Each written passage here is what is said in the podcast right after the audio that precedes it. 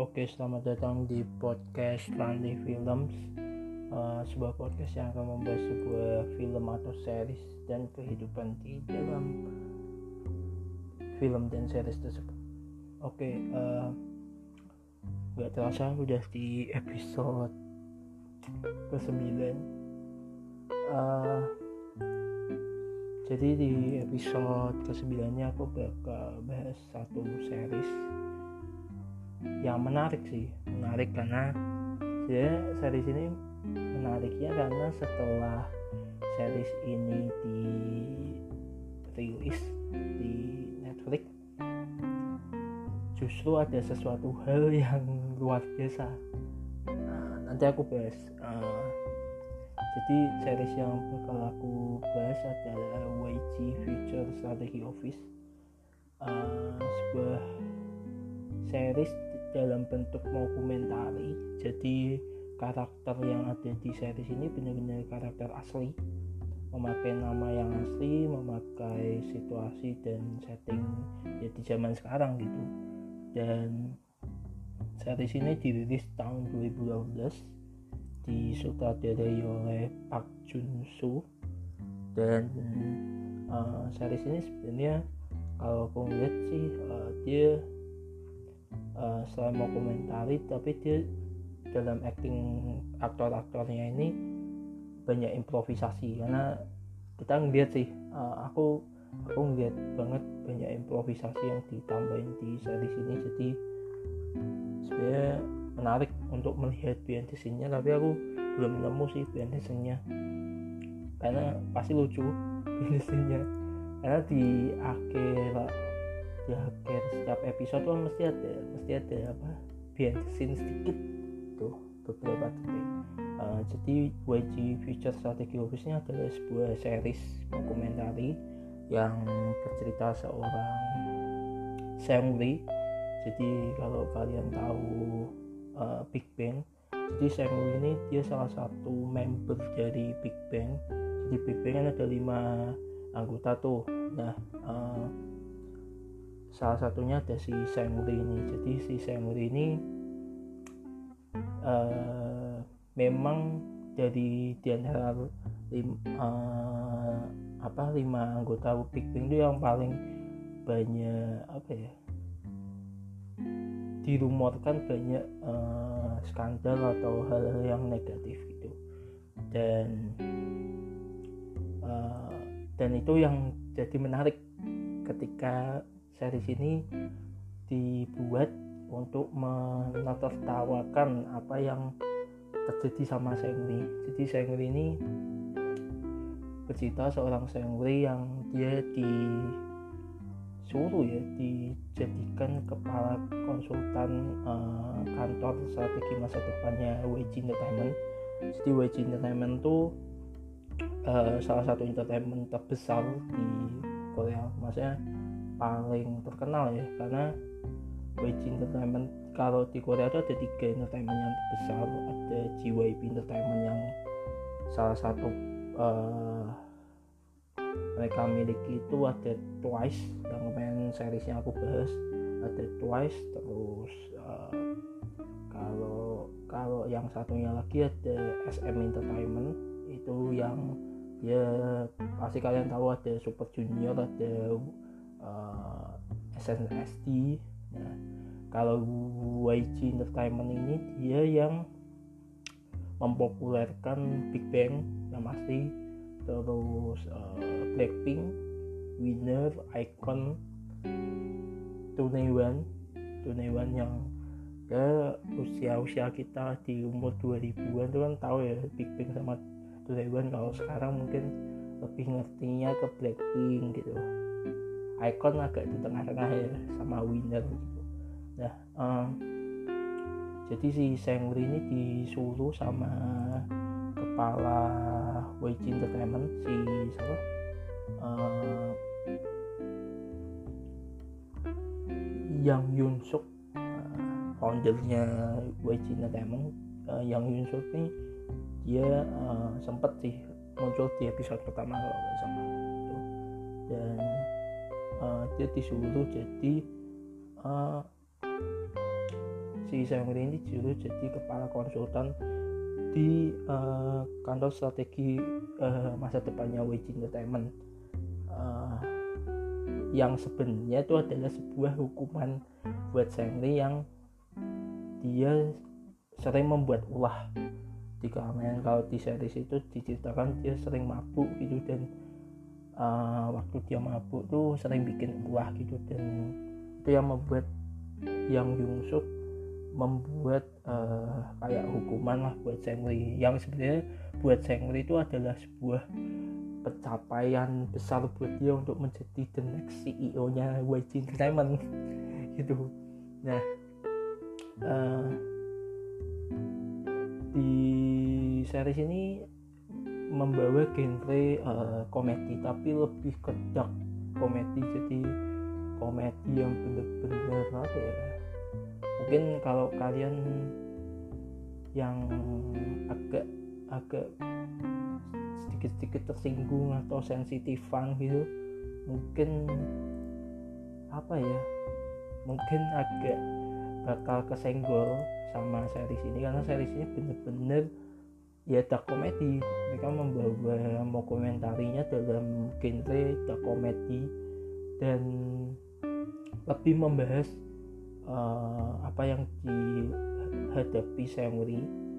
Apa yang dihadapi Seungri bagaimana dia menyusun strateginya untuk membangun masa depan YG Entertainment yang lebih baik. Malah di series itu membuat masa depan YG Entertainment menjadi lebih buruk. Itu lucu.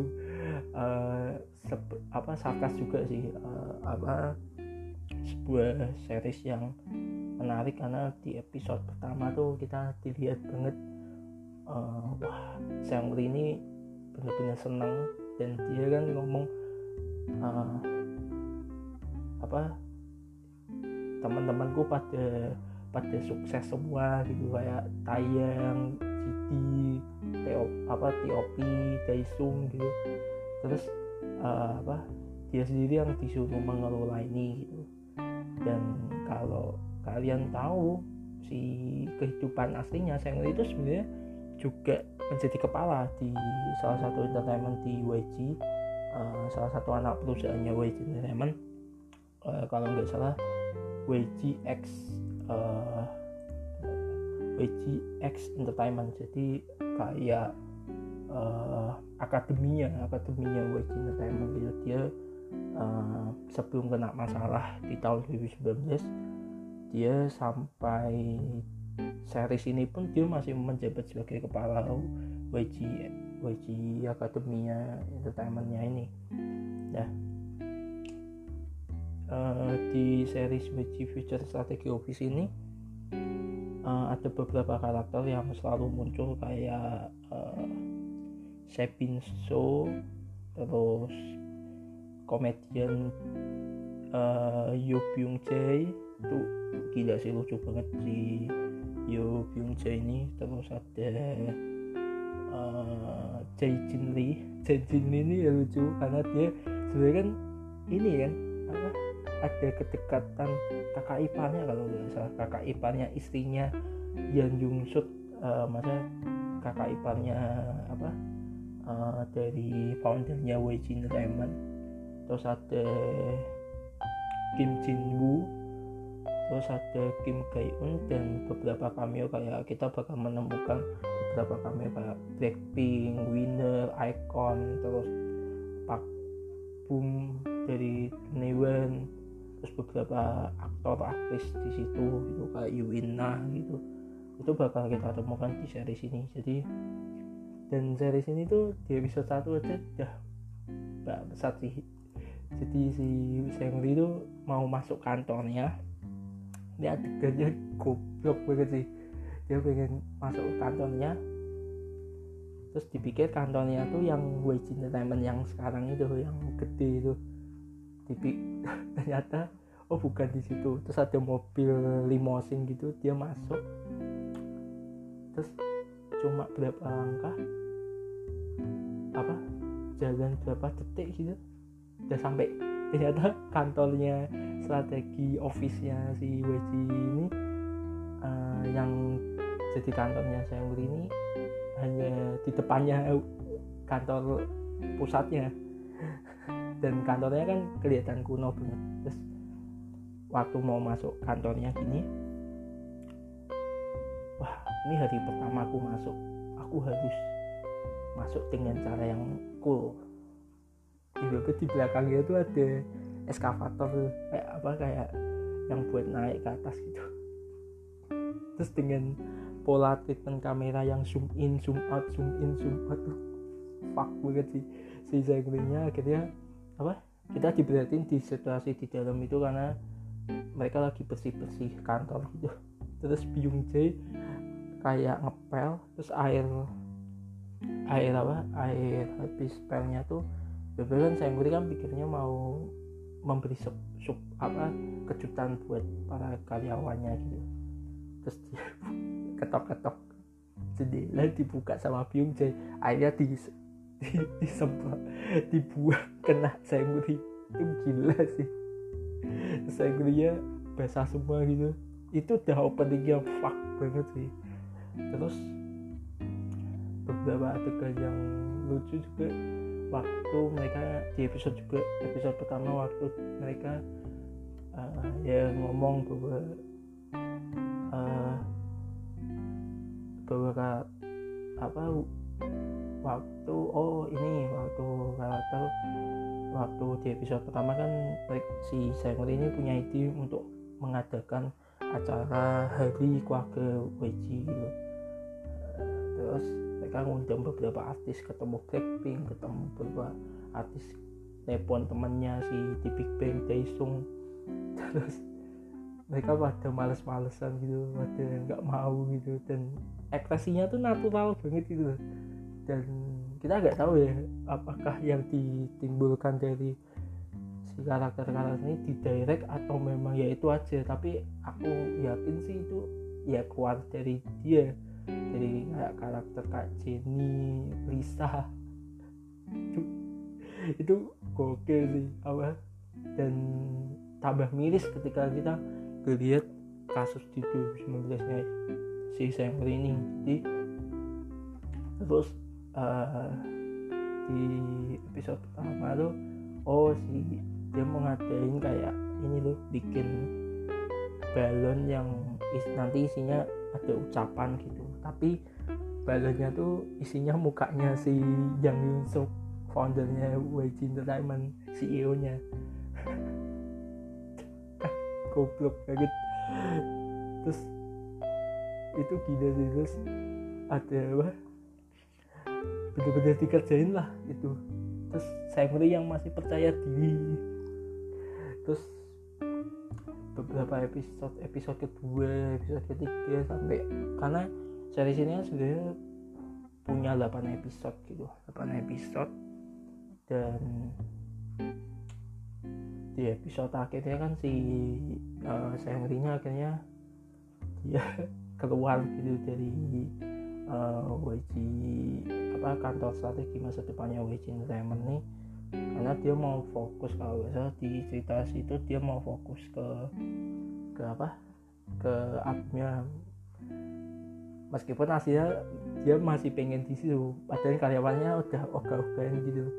Terus dia dapat kado gitu dapat kado dibuka wah WG feature strategi office season 2 gitu terus ada foto fotonya tuh bukan dia.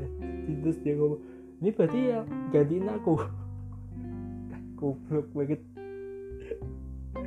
Itu gila sih. Terus uh, nah uh, beberapa momen yang karena gini ya aku ngeliat WG Future strategi office ini bener-bener ya dia memainkan dark komedi apa yang dihadapi YG Entertainment kayak masalah skandal tentang kayak di episode 2 kan YG Entertainment tuh sempat dirumorkan uh, kena skandal tentang narkoba gitu.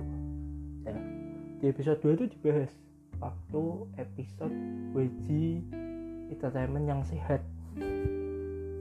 Kampanye sehat YG Entertainment. Jadi setiap karyawan diceki semua sama si karyawannya si Seungri ini. Terus ada adegan oh ada adegan si Byung Jae sama Jae-jin disuruh jalan-jalan kayak kampanye gitu tapi mereka jalan ke ujung Korea gitu terus sampai ujung Korea ternyata di depan perbatasan Korea Selatan sama Korea Utara. Terus meskipun itu banget apa hiperbola banget tapi itu wah, kena banget itu. Terus karena Byung Jae kan komedian gitu. Dan Jae-jin kan juga mukanya lucu gitu. Jadi ini apa yang komedi situasi yang dibawa sama WG Entertainment maksudnya series ini tuh bener-bener dapat kita sebagai penonton. Apalagi treatment kamera yang dibikin zoom in zoom out. Karena uh, pola pola mau komentari series ini kan sebenarnya mirip kayak aku inget series di Amerika tuh The Office. Itu The Office yang sebenarnya dirilis tahun 2005 kalau nggak salah. 2005 sampai tahun 2013 uh, sana pak. Sampai berapa gitu aku lupa. Kayaknya sampai sampai ini. Sampai season 9 nah terus uh, YG series ini itu tuh apa yang mereka masukkan tuh meskipun ya aku ngeliat review-review tuh dan memang sih uh, beberapa hal agak terlalu berlebihan kayak ada masalah ras terus di series ini benar-benar nyinggung tentang ras tentang China terus tentang wanita terus tentang disabilitas tentang orang-orang apa orang yang uh, hal-hal yang sensitif tuh dibahas banget tuh di sini. Terus dan tapi dengan menurutku dengan the komedi gak gini ya bagi series ini sebenarnya kayak mem, membawa kita tuh sebagai penonton untuk menertawakan. Ya si objek ya objeknya siapa? Ya Seungri gitu. Objeknya Seungri dan anak buahnya ini gitu dan kayak Seungri kayak YG Entertainment tuh kenapa mereka membuat series ini menurutku ya ini ada beberapa hal rumor daripada tak tepis. Mending tak buat ini jadi sesuatu karya yang kayak ya kan ya uh, level tertinggi dari sebuah komedi adalah ketika kita menertawakan uh, menertawakan kita sendiri gitu. penerimaan diri itu benar-benar di situ gitu kayak kayak ya kita kan pernah nikmati stand up komedi. Rata-rata kan stand up komedian tuh kan mereka set materi awalnya kan mesti menertawakan apa yang mereka lakukan di masa lalu atau kekurangan mereka gitu. Dan YG Entertainment tuh merasa bahwa kayak isu tentang skandal, isu tentang narkoba dan lain-lain tuh itu kan jadi rumor bagi mereka. Itu yang membuat mereka tuh meskipun uh, secara secara penjualan dan kepopuleran lewat Blackpink, lewat Icon, lewat Winner tapi sangat tinggi gitu. Tapi mereka tetap ada batu sandungan nih beberapa pemuda gimana caranya uh, menepis ini ya. Mereka bikin bikin series ini bikin WG Future Strategi Office dengan karakter utama yang bener-bener di dunia nyatanya mereka sangat-sangat troublemaker gitu. Yaitu Sengri gitu. Dan komedi yang dibawa Sengri bener-bener sampai aku nggak percaya kalau dia tuh member Big Bang karena tak pikir dia komedian gitu maksudnya apa yang dia bawa tuh wah fuck banget tuh ketika dia ngomong bahwa apa? Ketika oh ketika ini ada yang lucu. Uh, ketika dia lagi nongkrong sama uh, salah satu karyawannya yang yang namanya Sepin gitu. Terus dia kayak natap ke proyek. Jadi di sebelah kantor pusatnya WC itu ada kayak lapangan gede lagi dibangun gitu itu buat kantor kantor terbarunya WC Entertainment gitu.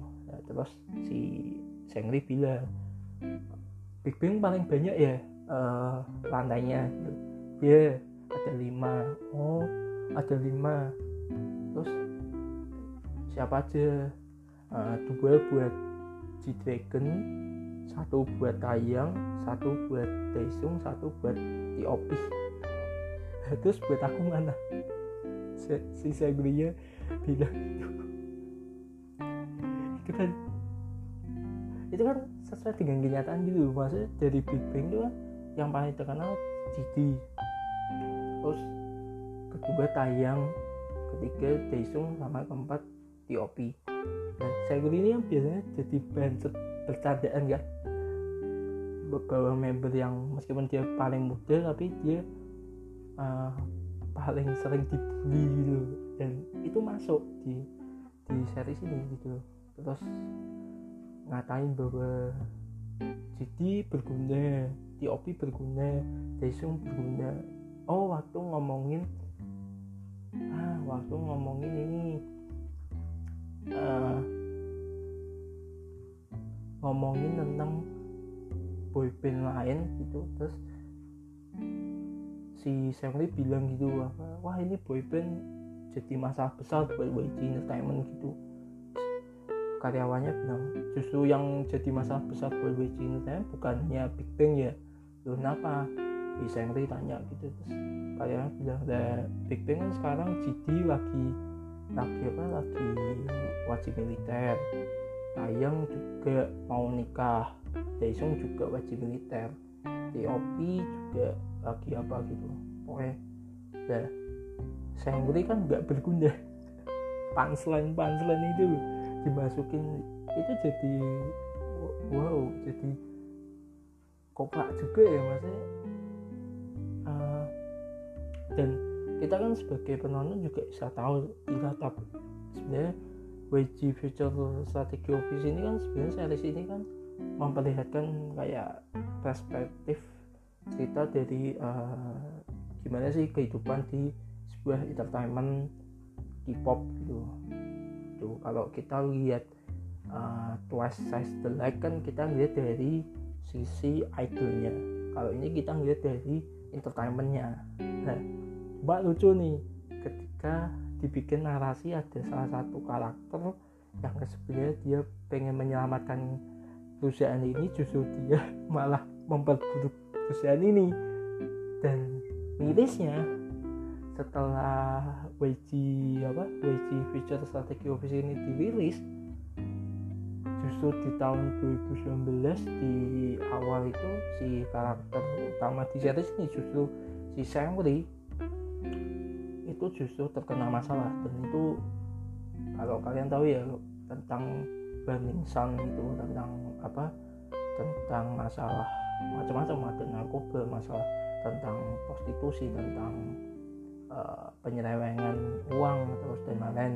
Dan akhirnya Sangri kena masalah setelah itu. Dan itu yang menghantam maksudnya itu jadi kasus paling gede kalau nggak salah. Paling gede yang menghantam uh, entertainment Korea di tahun 2019 karena itu kan menghantam Wage Entertainment secara keseluruhan karena beberapa member idol itu kena dan yang jadi pusatnya ada Seungri dan dan justru malah uh, eh, CEO nya WG Entertainment si Yang Yun Suk itu juga kena gitu yang membuat dia mengundurkan diri jadi WG Entertainment.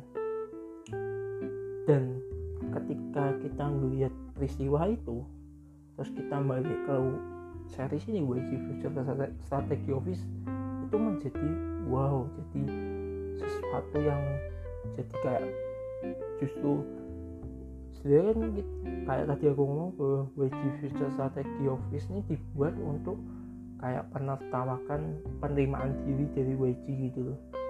Untuk melawan rumor yang terjadi gitu loh. Kita kan nggak tahu aslinya gimana gitu loh. Tapi justru itu justru hal itu dijadi diklarifikasi di kasus tahun 2019 gitu dan itu cukup menyedihkan gitu uh, dan di YG Future Strategy Office tuh aspek yang menghantam Seungri di tahun 2019 tuh muncul semua masalah tentang uh, tentang apa pelecehan seksual tentang narkoba tentang apa uh, tentang uh, penindasan dan lain-lain gitu hal-hal yang negatif lah gitu. Itu yang isu-isu itu yang dibahas sama uh, yang dibahas di WG Future Strategy Office nih di series ini. Justru beneran terjadi di menghantam Seungri dan WG Entertainment di tahun 2019 gitu. Dan itu cukup miris sih aku melihatnya gitu. Dan lebih nggak enak lagi karena sebenarnya kan di episode depan kita tahu bahwa apakah ada season 2 nya gitu. Nah ya pasti season 2 nya nggak ada gitu. Dan karena dan lebih horor lagi karena beberapa member dari kayak Beyonce kan tahun pertengahan 2019 mereka dia kan memutuskan kotak kan sama YG Entertainment. Beberapa pemain di YG Future Strategy Office kan mereka akhirnya itu kan akhirnya apa keluar gitu. Maksudnya um, keluar dari YG Entertainment gitu. Begitu juga dengan Sengri Sengri juga apa dia uh, mengundurkan diri dari dunia industri musik gitu. Dan akhirnya kalau gak salah aku dengar kabar akhirnya dia ikut akhirnya ikut wamil itu dan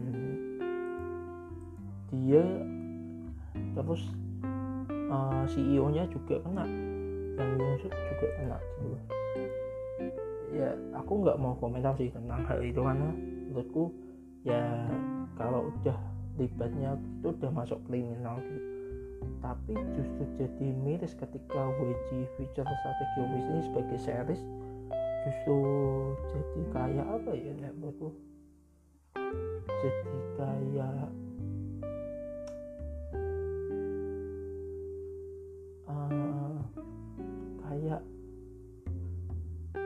kalau kayak ini loh kayak apa? Uh, kayak ya apa yang ditampilkan di situ yang sebenarnya kita lihat itu hiperbola komedinya. Aku justru ketika melihat beberapa beberapa wawancara kan ada kan scene-scene yang si apa beberapa artis diwawancarai tentang tanggapan mereka tentang Sengli di series ini kan aku ketika melihat itu jadi yang awalnya lucu jadi wow apakah ini jadi kayak teka-teki atau uh, ya apa yang mereka omongkan itu benar kayak kalau nggak salah ada karakter ada karakter yang jadi JYP Entertainment uh, anggotanya apa Wonder Girls kita cari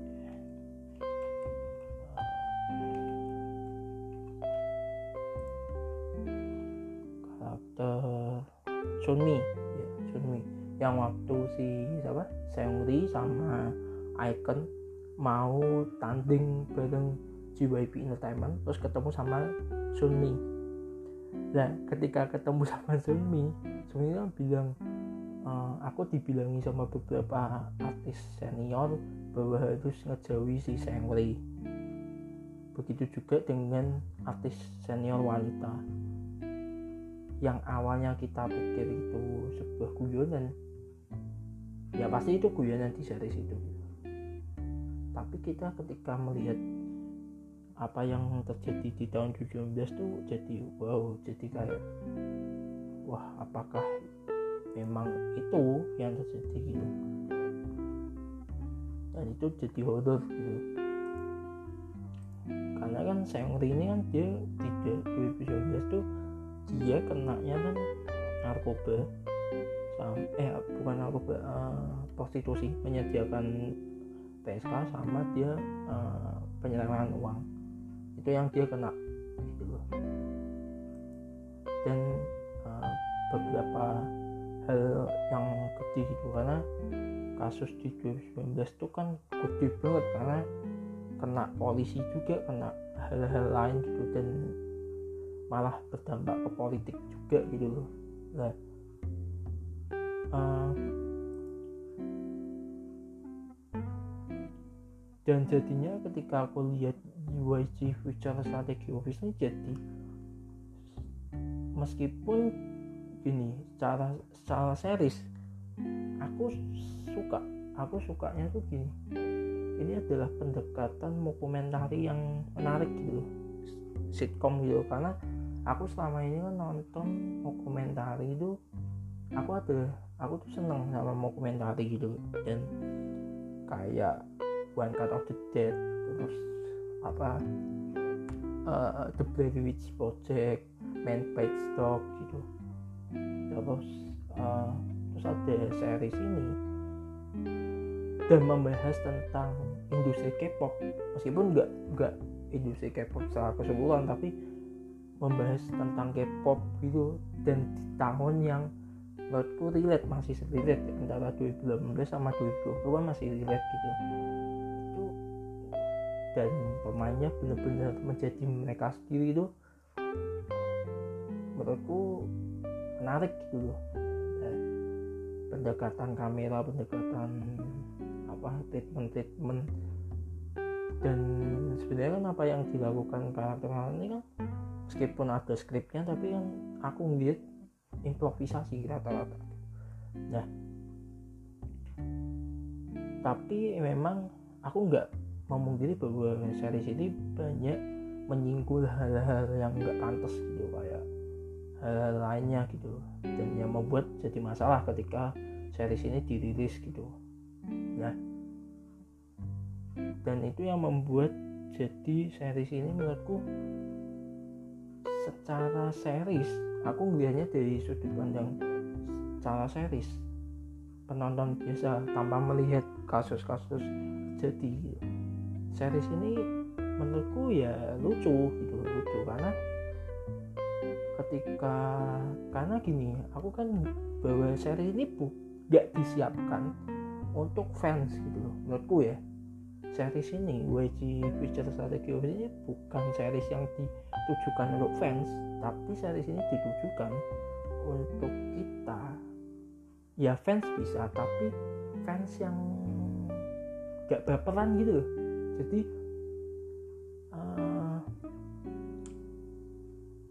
kan so, dia membawa dark komedi kan komedi yang sangat berat gitu dark jokes lah.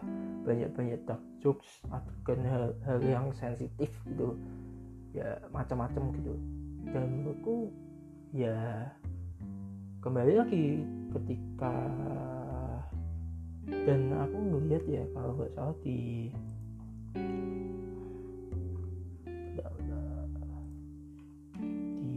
Netflix kalau nggak salah series ini tuh dapat rating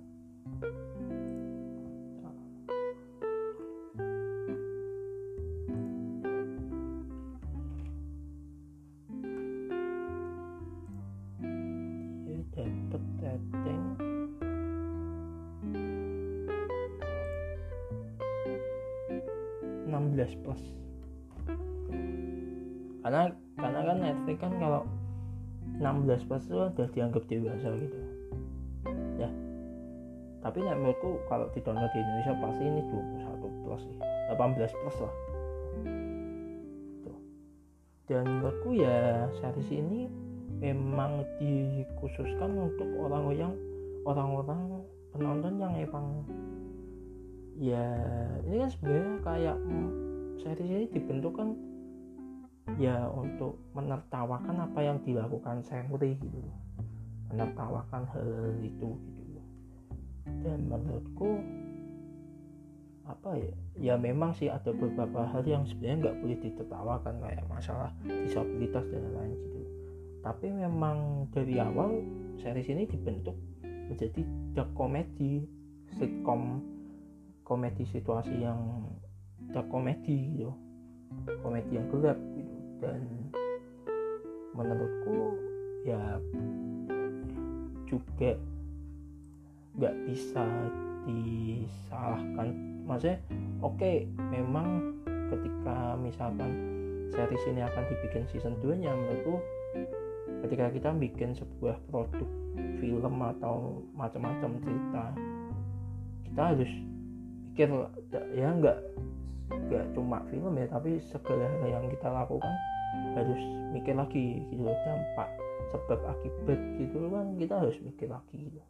Tapi memang series ini aku jadi salah satu series yang sebenarnya buat kita kalau yang kalau kita tahu bahwa kita sensitifan ya jangan nonton series ini gitu. Tapi kalau kamu udah kuat ya gak apa-apa gitu tapi dan menurutku memang harus harus punya penerimaan diri dulu ketika mau nonton series ini gitu. Nah, kamu baperan ya percuma gitu. Nonton series ini bakal ketrigger juga gitu. Itu sih yang bisa aku bahas tentang series ini. Di luar series ini yang akhirnya membuat apa ya membuka masalah baru buat Sengri buat uh, yang Yusuf dan Wage Entertainment yang pasti justru series ini tambah menarik untuk kita tonton lagi itu dan apa ya ya menurutku bahwa meskipun kita nggak tahu ya bakal ada season 2 nya tapi menurutku ya juga gak ada karena nggak mungkin juga kalau dibikin gitu. Mungkin bisa dibikin tapi ya masalah ketersinggungan tuh sekarang tuh kan masalah ketersinggungan tuh gede banget gitu loh. Apalagi ya berhubungan dengan K-pop gitu. Jadi ya sayang sih uh, series ini nggak bisa berlanjut karena dan dan aku bakal berharap sih ada seri-seri seperti ini yang bisa apa ya bisa dibuat oleh entertainment lainnya atau atau apalah gitu. Uh, ya untuk menertawakan ini untuk menertawakan hal-hal ini gitu selain tujuannya ya untuk mengkritisi ini seharusnya sebenarnya mengkritisi tindakan Sentri itu kan. Tindakan uh, tindakan merendahkan tindakan hal-hal lainnya gitu. Dan sebenarnya ini kan juga ada uh, kritik juga gitu, terhadap uh, kritik tersembunyi lah yang aku bilang. Itu sih yang aku bisa bahas tentang YG Future Strategy Office sebuah series yang benar-benar apa ya setelah dirilis malah menjadi sesuatu yang menarik. Sebelum dirilis uh, saat dirilis oke okay, menarik tapi setelah apa yang terjadi dengan Sengri apa yang terjadi dengan YG Entertainment tahun 2019 itu justru series ini menjadi menarik lagi. Kita ngulik apa sih yang sebenarnya mau diambil dari series ini apa yang mau disampaikan series ini itu sih uh, yang saya udah dengerin uh, podcast Landi Films. Nggak uh, kerasa di episode ke-9 uh, kemungkinan besar aku bakal membahas tentang series Korea lagi atau series atau film lainnya. Aku belum nemu lagi juga karena random juga. Aku kadang-kadang nonton WC Future Strategy ini jujur aku nonton WC Future Strategy ini gara-gara aku nonton lagi uh, videonya Korea Realmit waktu membahas tentang kasusnya Seungri dan aku tertarik untuk nonton series ini. Dan yaitu uh, sedikit pembahasanku tentang series ini. Uh, kalau ada kata-kata yang kurang pantas atau kata-kata yang apa ya menyakiti siapa pun aku minta maaf. Karena uh, itu dari sudut pandangku sendiri sih. Bahwa ya meskipun series ini dikritisi gitu tapi menurutku bahwa ya series ini sudah dari awal menyeting seriesnya sebagai komedi gitu. Dan menurutku kita sebagai penonton juga harus pintar-pintar untuk menonton. Itu nggak nggak semua kita serap gitu terus semua bisa kita uh, komenin gitu, dan kita serang. Dan itu sih yang bisa aku uh, omongin tentang series ini. Uh, semoga di uh, semoga apa yang terjadi sama Sengri terjadi sama Wijin Simon juga nggak terjadi di kemudian hari Eh, masih dan dengerin oke okay.